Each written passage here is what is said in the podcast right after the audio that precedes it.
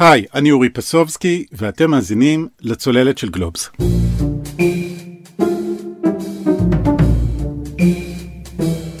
השנה החולפת הייתה שנה של משבר כלכלי, של חל"ת, של אבטלה, של משבר בריאותי.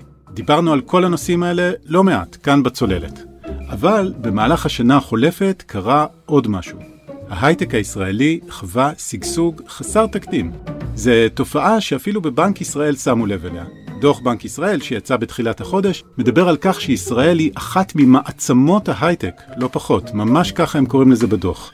זו קבוצה של ארבע מדינות שכוללת את אירלנד, שווייץ, קוריאה וישראל, שבהן יש מגזר הייטק גדול במיוחד באופן יחסי, ולכן הן גם נפגעו פחות קשה בקורונה. אבל לא כולם כמובן עובדים בהייטק, והתוצאה היא התאוששות לא שוויונית מהמשבר. וזו תופעה שרואים לא רק בישראל אלא גם בעולם. יש מי שיוצאים מהמשבר במגמת עלייה, ויש מי שרק ראה את מצבו מידרדר. וככה מתקבלת הצורה של האות K עם זרוע אחת שעולה ואחת שיורדת. אז היום נדבר על החלק שעלה כאן למעלה, או ליתר דיוק, על חלק מציבור העובדים שמצבם משתפר השנה. על עובדים בהייטק שהפכו למיליונרים. אולי אתם מכירים חלק מהם, חבר שעובד בחברה שהנפיקה, או קרובת משפחה שמימשה אופציות וקנתה דירה, ומסתבר שיש לא מעט כאלה. בהייטק כמובן יש ביקוש גדול לעובדים והוא מתורגם גם לשכר גבוה שגם הוא רשם עלייה השנה. מי שמחפש המחשה יכול למצוא אותה בקבוצות בפייסבוק שבהם אנשים מתוודים על השכר שלהם, זה נושא שמעסיק הרבה אנשים. אבל חוץ מהשכר, לחלק מהעובדים בהייטק יש גם אופציות. ושם הייתה קפיצה משמעותית בשנה החולפת. ומי שצללה לנתונים בניסיון לקבל תמונה קצת יותר מלאה ומסודרת, היא שירי חביב ולדהורן, כתבת שוק ההון של גלובס. נדבר איתה היום, ובהמשך נדבר גם עם אופיר דור, כתב הייטק של גלובס, שמסקר את התעשייה. אהלן שירי. היי אורי. אוקיי, אז שירי, את כתבת בחודש האחרון על התפתחות שאי אפשר להתעלם ממנה, עלייה די מטורפת בשווי של חברות ההייטק. וחשוב להבהיר, אנחנו מדברים על חברות ציבוריות או כאלה שבדרך להפוך לכאלה, נכון? נכון, אה, למרות שרוב מניות הטכנולוגיה של חברות ישראליות נחלשו קצת מאז השיאים שנסחרו בהן בתחילת השנה, עדיין הן מציגות תשואה חיובית יפה בשנה האחרונה, אה, לדוגמה וויקס שהיא חברת אינטרנט נסחרת היום בשווי של מעל 17 מיליארד דולר, עלייה של 135 אחוזים בשנה, וסולארד שמספקת פתרונות טכנולוגיים לאנרגיה מתחדשת נסחרת בשווי של 15 מיליארד דולר אחרי עלייה של 180 אחוזים. כלומר לא, לא הסטארט-אפים אה, שרק הוקמו ומחכים לעוד סיבובי השקעה, אנחנו מדברים פה על חברות גדולות מבוססות שנסחרות הרבה פעמים מעבר לים. נכון. אוקיי, אז אנחנו ממש מדברים על חלק מהחברות שהכפילו את השווי שלהם אה, בשנה הזאת של הקורונה. מה, מה קרה כאן? איך מסבירים את עליית השווי הזאת? אז בעצם יש פה כמה דברים. Uh, הרבה מהחברות האלה מציעות פתרונות טכנולוגיים מכל מיני סוגים שהביקוש שלהם עלה בזמן הקורונה. כולנו עברנו לעבוד, ללמוד מהבית, יש האצה גדולה במעבר לדיגיטל בכל תחומי החיים שלנו, ולכן יש צורך אה, בפתרונות כאלה של תשתיות תקשורת, אחסון, אבטחת סייבר וכדומה.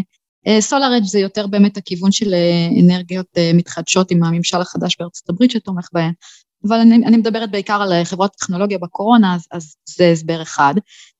דבר נוסף הוא המצב בשוקי ההון העולמיים, בזמן המשבר הממשלות הזרימו מזומנים לשווקים, כל השוק עלה, אז מן הסתם איתו גם מניות הטכנולוגיה עלו. וכמובן תופעה מעניינת נוספת שגם דיברתם אה, בעבר עליה זה שיגעון הספאק שהוא חלק מתופעה של הכסף הזול. ספאק אני אזכיר שזה חברות אה, ללא פעילות שמגייסות כסף מהציבור במטרה לרכוש חברות קיימות. תוך אה, הבטחה למזג לתוכן חברה קיימת בפרק זמן מוגבל מקובל מראש או שיחזירו את הכסף למשקיעים. זה טרנד שהיה חזק מאוד בוול סטריט בשנה האחרונה, וזה תדלק את השוק עוד יותר. אז בעצם את אומרת, יש גם תופעות שהן, אה, איך נקרא לזה, ריאליות, כלומר, יש ביקוש לטכנולוגיה. בקורונה, אז מניות הטכנולוגיה עולות, ויש גם עוד אה, תופעות אה, כלכליות פיננסיות כאלה, הבנק המרכזי מזרים כסף לשווקים, או שיש כל מיני חדשנות פיננסית, איך נקרא לזה, שמובילה לזה ש, שפשוט כמות ההשקעות גדלה. והכסף הזה זורם אל החברות עצמן, אל המשקיעים בהם, אבל גם אל העובדים. כן, נכון, באמצעות האופציות. בגדול אופציות בעצם זה זכות לקנות בעתיד מניה במחיר שאנחנו קובעים אותו מראש, שנקבע מראש. זו הטבה מאוד מאוד מקובלת לעובדים בחברות הייטק. אנחנו עשינו ניתוח לפני כמה שבועות וגילינו שההטבה המגולמת באופציות שעובדים בחברות הטכנולוגיה הישראליות מימשו בשנת 2020 והאופציות שניתנות למימוש בסוף 2020 מגיעה כמעט לחמישה מיליארד דולר. אגב, עשינו את הניתוח הזה לפני כמה שבועות, ומאז המספרים עוד עלו, כי חלק מהמניות עלו, ודוגמה מאוד בולטת זה חברה שקוראים לה נובוקיור, שהיא מפתחת תרופות, והמניה שלה קפצה אחרי דיווח חיובי מניסוי שהיא עורכת, אז שם ההטבה המגולמת באופציות שהעובדים מחזיקים עלתה מחצי מיליארד דולר ליותר מ-800 מיליון דולר. רגע, אז לטובת שומענו שבכל זאת אולי קצת מרוחקים אה, מהעולם המושגים הזה של אופציות, מה זה אומר אה, שההטבה המגולמת באופציה קפצה בחמישה מיליארד אה, דולר או יותר בשנה החולפת? בעצם העובדים מחזיקים אופציות. האופציות יש להן איזשהו מחיר מימוש שנקבע מראש. ברגע שהמניה נסחרת היום במחיר הרבה יותר גבוה ממחיר המימוש, זה איזושהי הטבה בעצם שמגולמת באופציות שהם מחזיקים, או, או באופציות שהם כבר מימשו, זאת אומרת אם הם הספיקו לממש, אז ההטבה כבר בעצם הפכה לכסף. אם עוד לא, אז זו הטבה על הנייר. ככל שהמניה במחיר יותר גבוה והאופציות במחיר מימוש יותר נמוך, ההטבה יותר גבוהה. אז אולי ככה לתת אה, דוגמה במספרים, אה, נניח שבתור עובד יש לי אופציה לקנות מניות של החברה במחיר של 6 דולר, והיום מניית החברה נסחרת כבר ב-12 דולר, זה אומר שיש כאן הפרש של 6 דולר בין המחיר שבו אני יכול לקנות את המניה, ואז למכור אותה. וזו ההטבה שמגולמת באופציה. בעצם העובדים שדיברנו עליהם יושבים על אפשרות לממש את האופציות ולמכור את המניות, ובסך הכל מדובר בחמישה מיליארד דולר של הטבה שתתחלק בין כלל העובדים האלה? בין כל העובדים בחברות הטכנולוגיה והביומד הישראליות שאנחנו בדקנו לפי הדוחות שהם פרסמו.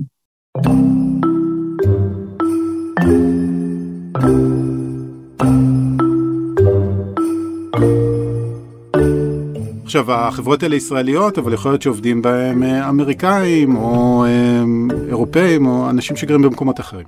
כן, אנחנו בדקנו את הנושא של ההטבה של האופציות של העובדים בחברות טכנולוגיה וביומד ישראליות. אה, חלק מהעובדים האלה בארץ וחלק בחו"ל, לא בדקנו לפי מיקום גיאוגרפי, אבל השבוע פורסם אצלנו בגלובס ניתוח של פירמת רואי חשבון, שהתעסקה ספציפית בעובדים בישראל.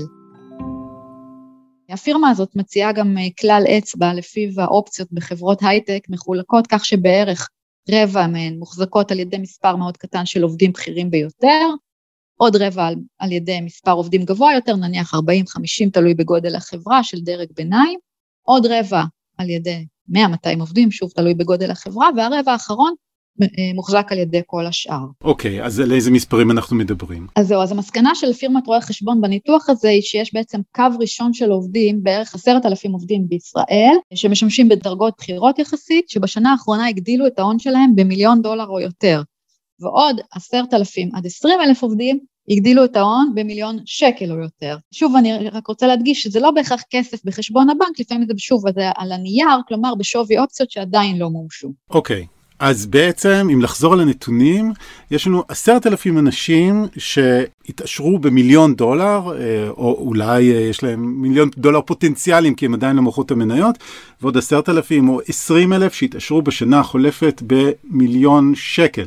נכון. זה מספרים לא מבוטלים? גם צריך לזכור שיש בארץ די הרבה עובדי הייטק, אה, מאות אלפים. אוקיי, אז בואי נתעכב על הנקודה הזאת, כי בכתבה שלך בעצם את אומרת שיש אה, כמה חברות גדולות שבעצם מסבירות חלק ניכר מאוד מהתופעה הזאת. וויקס, אה, חברת אינטרנט בולטת מאוד, אה, עלייה גדולה מאוד במחיר המניה שלה בשנה האחרונה, והטבות מאוד גדולות אה, שמגולמות באופציות שהעובדים גם מימשו וגם החזיקו. נובוקיור שהזכרתי קודם, אינמוד שהיא חברת אה, טכנולוגיה בתחום האסתטיקה הרפואית, פייבר שגם המניה שלה עלתה מאוד, חברת אינטרנט, אלה הבולטות ביותר. יש אגב גם שתי חברות שהנפיקו בשנה האחרונה, למונייד וג'ייפרוג, וכמובן חברות ותיקות כמו נייס וצ'ק פוינט שהן דווקא לא כמו וויקס ונובוקיור, אבל עדיין הטבות יפות לעובדים שם. את יודעת, זה מחבר אותי לאיזשהו דיון שהיה בשנים האחרונות בעולם, בעולם הכלכלה, על מה שנקרא חברות סופרסטאר, שאת יודעת, בכל המגזרים יש חברה, שתיים, שלוש, אה, שמשתלטות אה, על השוק, שפשוט מובילות את השוק, והעובדים שלהם אה, מרוויחים יותר משאר העובדים באותו מגזר. ובעצם אה, חלק מאי השוויון שאנחנו רואים בעולם מוסבר על ידי זה, על ידי הפערים בין עובדים בחברות מצליחות כאלה לחברות טיפה פחות מצליחות. אני לא יודע אם גם, אם גם לך זה מהדהד כאן הניתוח הזה. החברות האלה באמת ש, שהזכרתי קודם, הן בטוח הן הבולטות ביותר בשוק הטכנולוגיה הישראלי. קשה לי לומר לגבי מעמד החברות האלה בשאר העולם, אה, אין ספק שצ'ק פוינט היא בין המובילות באבטחת סייבר בעולם. אה, יש אומרים המובילה, וויקס מובילה בתחומה. אבל אה, האמת שקשה לי לומר לגבי חברות סופרסטאר. את כל הקפיצה הזאת ראינו במהלך שנת הקורונה ואנחנו מדברים בעצם על עלייה בשווי של החברות האלה. כלומר כשאנחנו מדברים על עלייה בערך של האופציות זה בגלל ששווי החברה עלה. השאלה אם מדובר בקפיצה חד פעמית אה, בשווי, אה, כלומר מין איזה גל התעשרות שהיה מאוד קשור לשנת הקורונה הזאת, או שיש פה איזה תהליך יותר מתמשך. אז הקפיצה הגדולה באמת הייתה בתקופה של הקורונה, ולפי פירמת רואי החשבון שהזכרתי קודם, אה, בשנה, שנה וחצי האחרונות, אה, לדבריהם הייתה קפיצת מדרגה שבתקופה שגרתית יותר הייתה אמורה לקרות לאורך אה, חמש עד עשר שנים, והקורונה פשוט האיצה אותה. לגבי השאלה האם זה ימשיך, עכשיו אנחנו מתחילים לראות את דוחות הרבעון הראשון של 2021, נראה אם החברות יצליחו לעמוד באותו קצב צמיחה. הנושא של הספאקים שדיברנו עליו בהתחלה הוא כרגע קצת בסימן שאלה, SEC, שזה רשות ניירות הערך של ארה"ב, פועלת לצנן את הטרנד הזה, זה גם יכול להשפיע על השווים בשוק שזינקו. בכל מקרה, למרות שאנחנו בישראל אולי קצת פחות מרגישים את זה, הקורונה שוברת שיאים עדיין ברחבי העולם, היא עדיין איתנו, והביקושים לפתרונות הטכנולוגיים עדיין קיימים. אז לגבי האם הקפיצה הזאת היא, היא תימשך, אנחנו עוד נצטרך לחכות ולראות. אוקיי, okay, שירי, את יודעת, מצד אחד יש פה תופעה שאי אפשר להתעלם ממנה, אנחנו באמת כבר מדברים על מספרים גדולים, אם לקחת את הניתוח של חברת רואי החשבון שהזכרת, אז עשרת אלפים מיליונרים בדולרים ועוד נגיד עשרים אלף בשקלים, זה כבר מספרים לא מבוטלים, וזו פשוט המציאות. ומצד שני, במציאות הזאת יש גם משהו אולי אה, צורם, כי כמו שאמרנו בפתיח, זו הייתה שנה לא קלה עבור הרבה מאוד אנשים, ואת יודעת, שירות התעסוקה דיבר למשל השבוע על החשש שמובטלים מהשכבות הנמוכות יתקשו מאוד uh, לשוב למעגל העבודה, כלומר, יש פה איזשהו פער. בארץ יש uh, מאות אלפי אנשים שעובדים בהייטק, uh, זה יכול להיות אולי נושא קצת מנקר עיניים לעובדים האחרים שסבלו באמת משנה קשה. אה, אבל גם בעולם ההייטק עצמו אין שוויון, זה לא שממש כולם נהנו מכל הסיפור הזה של עליית השווי ועליית ההון שלהם. כמו שדיברנו קודם, אה, האופציות מתחלקות אה, באופן לא שוויוני, השכבה שהכי נהנית מזה זה באמת שכבת ההנהלה של המייסדים אולי, של הבכירים ביותר ודרג הביניים, העובדים הפשוטים יותר בהייטק נהנים פחות. כן, הכל יחסי. בהחלט. שירי חביב בלדורן, תודה רבה. תודה לך. זו התמונה שמתקבלת משוק ההון ומהדוחות של חברות ההייטק שנסחרות בו, אבל חשוב להגיד שבשוק ההון אפשר למצוא בעיקר חברות בוגרות ובשלות יותר שכבר נסחרות בבורסה, או אולי הנפיקו בשנה החולפת, אבל כמובן שתעשיית ההייטק כוללת גם הרבה חברות אחרות. למשל סטארט-אפים שרק התחילו, או חברות שגדלו אבל עדיין לא הפכו לחברות ציבוריות. אבל גם להן ולעובדים שלהן הייתה שנה לא רעה בכלל. אז עליהם רצינו לדבר עם אופיר דור, כתב ההייטק של גלובס. היי אופיר. היי אורי. תשמע, דיברנו עם שירי על חברות ההייטק הציבוריות שנסחרות בבורסה, אבל נדמה לי שאנחנו רואים השנה שגשוג ממש בכל התחום, וחלק מזה מתורגם לגיוסים, מה שנקרא. נכון, נכון. אה, השנה האחרונה היא שנה מטורפת אה, להייטק הישראלי, להייטק בכלל בעולם. אני יחסית אה, חדש בתחום, אבל זקני התחום אומרים שלא היה כזה דבר, אפילו לא בימי הבועת הדוט קום של שנת 2000. כן, זה חסר תקדים, שיאים של כסף, בעיקר חברות אה, מבוססות ש, שמקבלות עוד ועוד עוד הזרמות כסף. קשה אפילו להיזכר, אבל איפשהו ברבעון השני של 2020, כולם פחדו מקטסטרופה ודיברו על פיטורים בהייטק, וחברות התחילו לפטר באמת עובדים ולצמצם, אבל זה מאוד מאוד מהר השתנה. כן, וחלק מהגיוסים האלה, אני חושב שאתה יודע, יש את המושג הזה של יוניקורן, חברה ששווה יותר ממיליארד דולר ועדיין לא הונפקה. פעם זה היה איזה, אתה יודע, יוניקורן, דבר נדיר, כמו חד קרן, שאתה רואה אותו ביער, או בעצם לא רואה אותו ביער, אבל היום יש הרבה חברות כאלה. נכון, זה הגיע ל... אני זוכר שבועות שהיו בהם שלוש או ארבע הכרזות של חברות שהם הפכו ליוניקורן, שהם הפכו לחברה של אה, חד קרן, מעל מיליארד אה, דולר.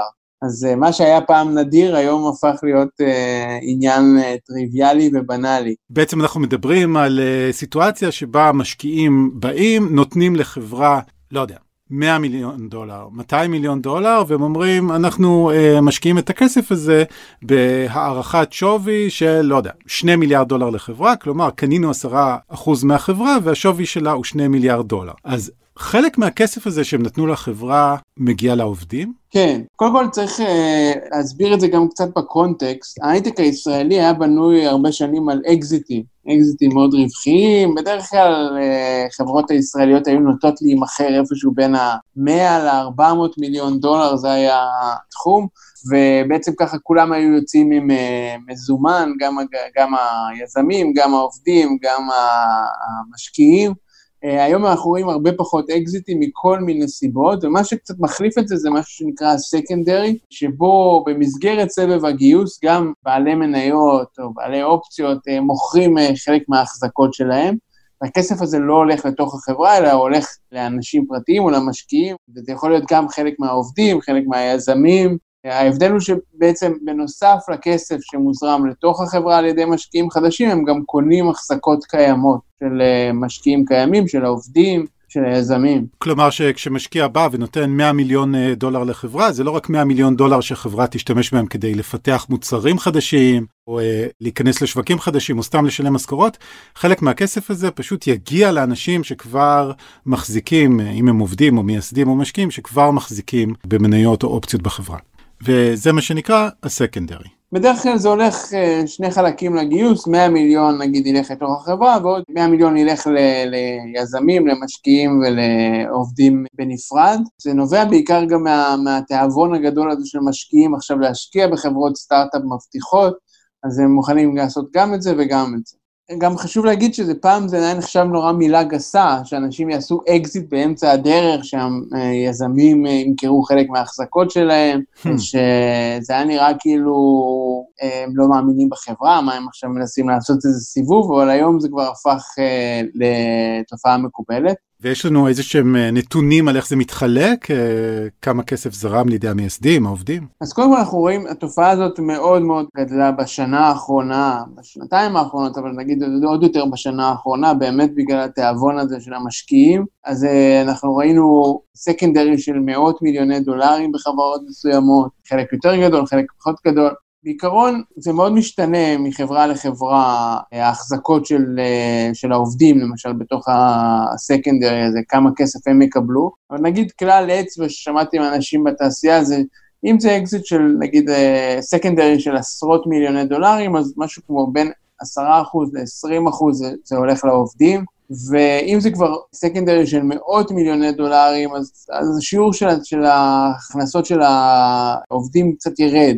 מ-10-20 אחוז, זה קצת יותר נמוך. אז אנחנו מדברים uh, בכל מקרה על כמה מיליונים עד כמה עשרות מיליונים שהגיעו לידי העובדים בחברה, סכום לא מבוטל. נכון, נכון.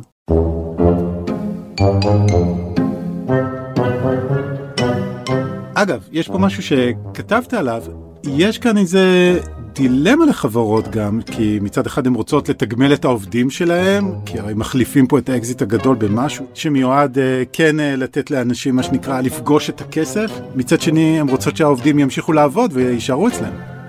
אז זה באמת דילמה. כשיש אקזיט או כשיש הנפקה, הנפקה יש את תקופת נעילה, אבל אחריה, אז העובד יכול למכור בעצם את האקזיט את הכל, ובהנפקה את האופציות שלו שהבשילו, אבל אה, ב-secondary באמת יש אינטרס מאוד מאוד ברור של החברה שהעובד יישאר, ושיהיה לו עוד איזה incentive להמשך, להמשיך לפתח את החברה, ולכן בדרך כלל מגבילים את העובדים למשהו כמו 20 אחוז שימכרו בכל אה, סבב מההחזקות שלהם. אוקיי, okay, ואז תהיה להם אה, מוטיבציה להישאר בחברה.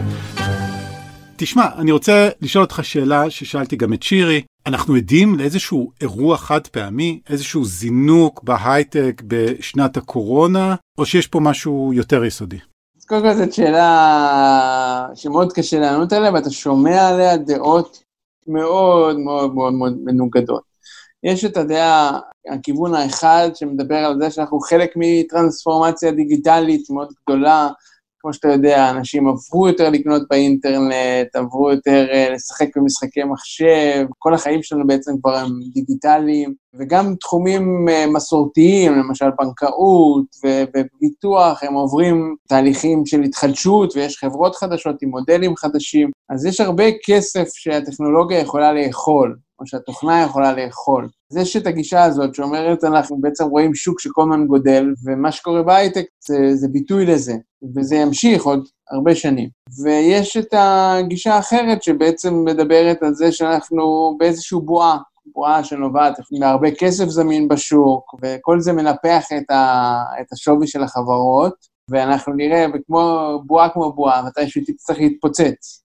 אז אנחנו לא רואים איזה תהליך ליניארי בריא, אלא איזה תהליך אה, היסטרי, מהיר, ושיגמר אה, בצורה חדה. ויש הרבה אנשים שאומרים, תשמע, אני הייתי בבועת הדוט קום, וזה אפילו יותר גרוע ממה שהיה אז. מצד שני, תשמע גם אנשים שאומרים לך, כבר שנים מדברים על זה שיש בועה בהייטק ולא קורה כלום. או להפך, מה שקורה זה שהכל ממשיך לצמוח ולעלות ולעלות.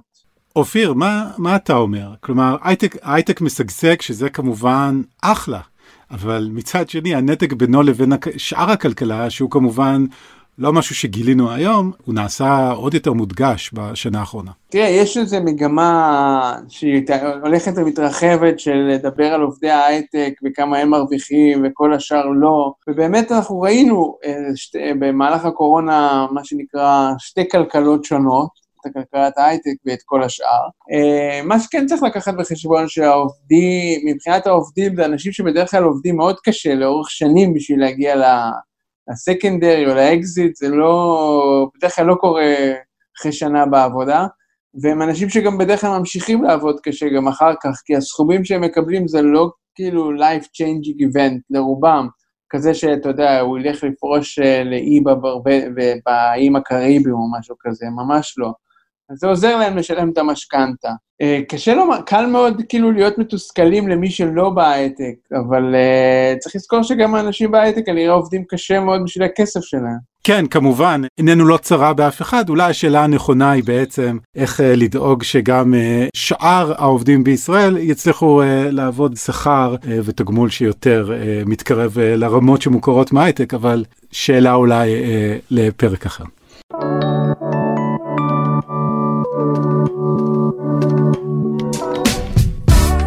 עד כאן עוד פרק של הצוללת. אתם מוזמנים כתמיד לעקוב אחרינו באפליקציית הפודקאסטים המועדפת אליכם, לדרג אותנו גבוה וגם לשלוח את הפרק לחבר או חברה. ואם בא לכם לשמוע עוד על חדשנות, וליתר דיוק חדשנות פיננסית, אתם מוזמנים לחפש פודקאסט נוסף מבית גלובס, דוח פינטק, בהנחיית דוקטור אושי שוהם קראוס. תודה לעורך הפודקאסטים של גלובס, רון טוביה ולהילה וייסברג מצוות הצוללת. אני אורי פסובסקי, ביי.